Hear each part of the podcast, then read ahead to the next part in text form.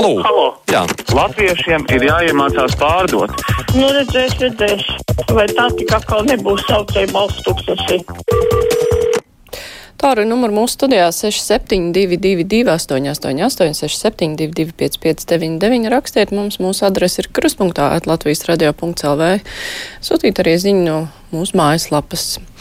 Klausītājs Niks raksta, liela daļa ārpus lielpilsētām ir apmierināti par piespiedu apmaksātajām brīvdienām. Beidzot ir iespēja apdarīt mājas darbus, kas ir laikietilpīgi. Žēl, ka valsts negrib palīdzēt saviem invalīdiem, kas lielākoties izdzīvo ar 60, 64 eiro pabalstu un nebūtu nav parādos upurējot uz ēdienu vai zālēm. Jā, jautājums par invalīdu atbalstu rīt kruspunktā varat uzdot, būs mūsu studijā labklājības ministre. Klausītājs zvana. Halo! Jā. Redziet, te parādījā izskanēja šodien, ja, ka grib paaugstināt tā, tā, tās sociālās iemaksas, ja tā skaitā arī no mikro uzņēmumu, tad, tad uzņēmumu strādājušiem tur un tā tālāk. Ja. Redziet, vienkārši lieta jau būtu, ja. Nu, ja grib paaugstināt tad, tad lielākas sociālās iemaksas, jāpaukstina ir algi. Ja. Bet mikro uzņēmumos algu griesti, kas bija 500 vai 720 eiro, nav paaugstināti no 2010. gada. Ja. Nu, kā var gribēt sociālās iemaksas, ja algas nepaukstina? Ja? Mm -hmm. nu, elementāri tad, tad ir jāpaukstina algas šajos mikro uzņēmumos no 720, ja, kas ir griezti. Ja? Griezti, saprotiet? Jā, nu skaidrs jūsu jautājums. Nu, runa jau ir arī par to, ka no mikro uzņēmuma kā tāda, no šī uzņēmē darbības veida, nu, tagad runā ar vien vairāk, ka vajadzētu to izbeigt, varbūt ne gluži kā ar nadzi nocirst, bet uh, lēnā garā, un ka šo uzņēmē darbības veidu padarīs uh, nu, tik nepievilcīgu, lai cilvēkiem vienkārši nebūtu izdevīgi strādāt. Cits jautājums ir, vai būs vietā kaut kas, kas būs piemērots uzņēmumiem, kuriem vajag atspērienu punktu. Nu, arī tas tādā veidā, tāds bija mikro uzņēmumu uzdevums. Tā kā, nu, pff, skatīsimies, kāda lēmuma tiks pieņemti. Bet jā, tas, ko jūs minējāt, ka palielinot sociālās iemaksas, respektīvi nodokļu slogu, nu jā, algas gribētos lielākas. Klausītājs zvana. Hello! Labdien! Nu, es gribēju šo jautājumu uzdot jau pagājušajā nedēļā. Man tāda iespēja netika dota, tāpēc es tagad par to jautāju. Interesanti ir ar to Misānes gadījumu. Viņai tika piespriesti divi mēneši par tā bērna nolaupīšanu, kā, bet attiecībā par to otru lietu, kas bija izšķiroša un tikai kāpēc vispār Dānija piekrita izdot viņu Latvijai, proti par finanšu mašinācijām, par svešas bankas kartes izmantošanu un tā tālāk un tā joprojām. Es kāpēc lietu izbeidza, un tad man ir jautājums, vai tur bija kāds izlīgums ar cietušo, vai varbūt tāda cietušā nebija vispār, un tas tika izdomāts, un tad jautājums, vai viņa pati bija tik gudra, ka viņa izdomāja un apsūdzēja sevi nepamatoti, vai varbūt, tur izmeklētāji deva viņai tādu padomu, varbūt pati ģenerāla prokuratūra deva padomu, lai viņa kaut kādu mākslīgu apsūdzību sev izdomā un pēc tam to atceltu, bet no jebkurā gadījumā es jūtu, ka tur ļoti netīra tā spēlīte ir bijusi, un tur derētu žurnālistiem pošu mūsu ģenerāla prokuroru krietni nopratināt. Man šķiet, ka tur ja jau Misēna nav vainīga, tad ir vainīgi kādi no prokuratūras. Un, ja tādas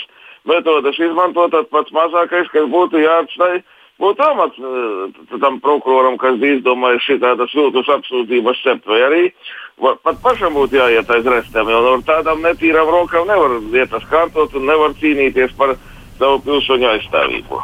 Mm -hmm. Paldies par ieteikumu. Kad mūsu studijā būs ģenerālprokurors, noteikti varat uzrakstīt šo jautājumu par ieteikumu Inesē Misānē, vai tāds bija. Olga raksta šorīt par radio klausījos Labklājības ministrijas sekretāru Valtrušam valsts sekretāru vietnieci Janu Muižniec. Runa bija par nodokļiem no mazajiem uzņēmējiem. Tā kā jau līdzīgi būs arī par pašnodarbinātajiem. Dievs, cik tas ir skumji un sāpīgi, ka mūsu valsts tauku kuri pašalgās saņem tūkstošus mēnesī un vairāk, nekādīgi nesaprot to, ka pašnodarbinātais Latgals laukos nevar, viņam nav iespējams mēnesī nopelnīt vairāk par 200 eiro mēnesī. Jā, viņš jau varētu par pakalpojumu prasīt no klienta gan 500 eiro, gan vairāk, bet taukmūļi saprotiet taču to, ka tam klientam kurš ir pats vai nu minimālās algas saņēmējs un viņam ir ģimene un vienīgais ģimenes apgādnieks vai arī strādā tikai bezdarbnieku programmā par 199 eiro mēnesī, nav un nekad nebūs tādas naudas. Tā raksta Olga. Klausītājs zvana. Halo! Labdien! Labdien! Es tagad gribētu pateikt, lai tie, kas tagad vienmēr tos pensionārus noliek, lai viņi tagad padzīvo mūsu ādā, kā mēs iztiekam ar tiem līdzekļiem.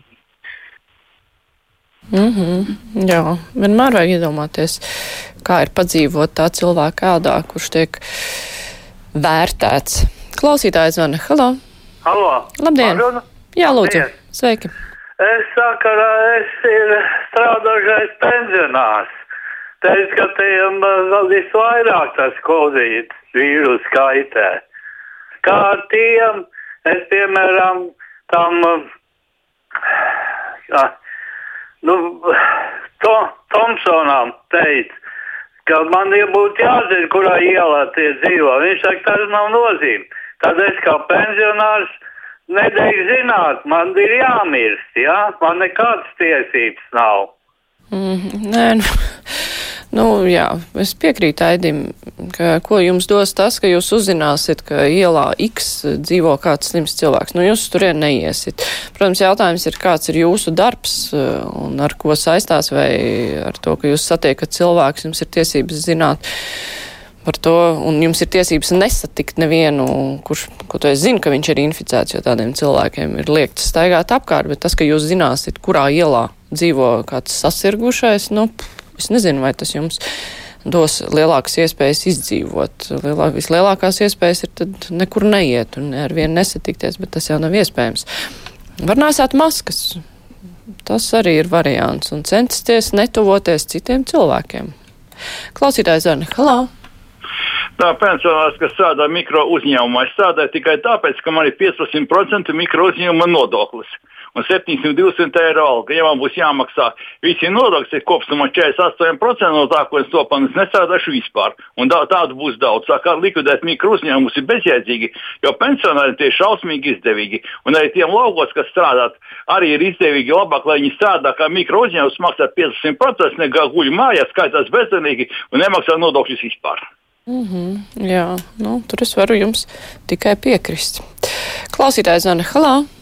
Jā, nu, protams, te ir viena lieta, jā, jāatcerās vienmēr. Jā. 2010. gadā tika pieņemts likums par mikro uzņēmumiem, jā, lai veicinātu kaut kādā veidā iziet no krīzes, veicinātu ekonomisko attīstību. Jā. No, noņemt tātad, nu, saka, to birokrātisko slogu, teiksim, īpaši no maziem uzņēmumiem. Jā. Un es kāpēc toreiz varēju noteikt pie šīs minimālās darba algas 500, 252 eiro. Ja? Toreiz noteica griestus 500 eiro. Ja? Tas bija ļoti normāli. Visam pietiks, sociālajiem un tā tālāk. Ja? Vai tad šodien mums nav krīze? Toreiz no krīzes izgāja. Ja? Kāpēc šodien aizmirst par to, ka tas bija metode, kādā veidā iziet no krīzes ekonomikā, kādā veidā pabarot cilvēks? Ja? Mikro uzņēmums nevajag, viņam nevajag nekādas nodokļu, teiksim, viņam nevajag nekādas maksājums, nekādas pabalsts no valsts un tā tālāk. Ja? Viņš strādā, viņš tiek galā, viņš pats nopelna. Ja? Kāpēc jūs uzliekat grieztus, ka nevar nopelnīt cilvēks vairāk? Mm -hmm. Nu jā, labi, vēl klausītājs zvana. Halo! Halo, labdien! Labdien! Man arī tas misāns gadījums interesē. Es saprotu tā, ka tagad mums Latvijai ar uh, cilvēku un, un tiesību sargu visādi palīdzību ir izdevies Dienvidāfrikas tiesu sistēmu un, un, un, un Misāns to vīru vai partneri, kas viņš tur bija, atstāt ar garu degunu. Nu, ko nozīmē atstāt ar garu degunu? Es nezinu, vai vīram no tā kļūs labāk, ja viņi kaut kur sēdēs uh, cietumā, teiksim, nezinu, 15 gadus. Vīram no tā droši vien, ka nepaliks ne naudas mats, maks biezāks, ne kaut kādi citi bonusi. Tajā pašā laikā nu, viņa tika notiesāta. Un, uh, jā, mūsu valstī sodi par kaut kādām konkrētām lietām ir citādāki, un viņi ir savu laiku atsēdējusi cietumā. Es nezinu, neuzskatu, ka viņas vīrstī būtu atsācis ar garu degunu. Vīri interesēs ir pirmkārt, lai, ja viņam ir kādi zaudējumi, lai tie tiktu kompensēti un satikties ar saviem bērniem. Un, cik es saprotu, to, tas viņam nav liekts ierodoties Latvijā, ja vien tur nav, protams, kaut kāda tikšanās ierobežojuma par citām, citiem pārkāpumiem, bet tas ir jāpēta dziļāk. Klausītājs Vana, hello! Labdien! Labdien!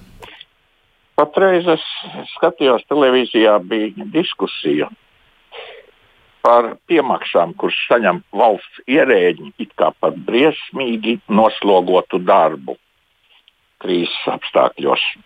Man interesē cita lieta. Vai krīzes apstākļos jau nav jāatceļ šis laupītāja nodoklis, kurš ir spēkā no 2010. gada, kas nosaka, ka strādājošiem pensionāriem, kuriem jau no pensija atvelk nodokli, vēl no darba, atvel, no darba algas atvelk 29%. Vai tas nebūtu jāatceļ? Mm -hmm. nu, tas ir jautājums finanšu ministrijai, kā tā uz to raugās.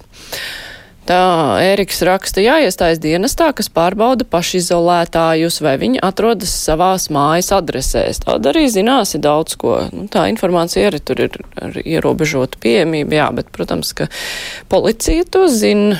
Tikai jautājums, mm, nu jā, tad sava rajona policijā ir jāteikt, bet katrs laikam tur nevar tikt strādāt. Klausītājs zvana, hello! Labdien! Labdien! Es arī esmu pensionāra, nostrādājusi 57 gadus. Un es neraudātu, ka man ir dikti liela pensija, un es strādāju kolhozā. Bija gadi, vairāki gadi jaunībā, kad es saņēmu 18 kopeikas pa darba dienu. Un tagad es klausos, kad kad šitie pensionāri šausmīgi raud, kad viņiem ir mazas pensijas, tad jāpasa, jāpaprasa, cik viņi ir strādājuši. Man ir 370 eiro tagad. Es neteikšu, ka tā ir liela nauda, bet man dzīvē nav bijusi ne, ne padomju laikā strādājot tāda alga kā tagad es saņemu pensiju. Jā, paldies. Nu, brīvā mikrofona laiks ar to arī izskan, bet nu, par pensionāriem runājot, gadījumi var būt dažādi. Labi, tagad ziņas pēc tam diskusija par Eiropas Savienības lietām.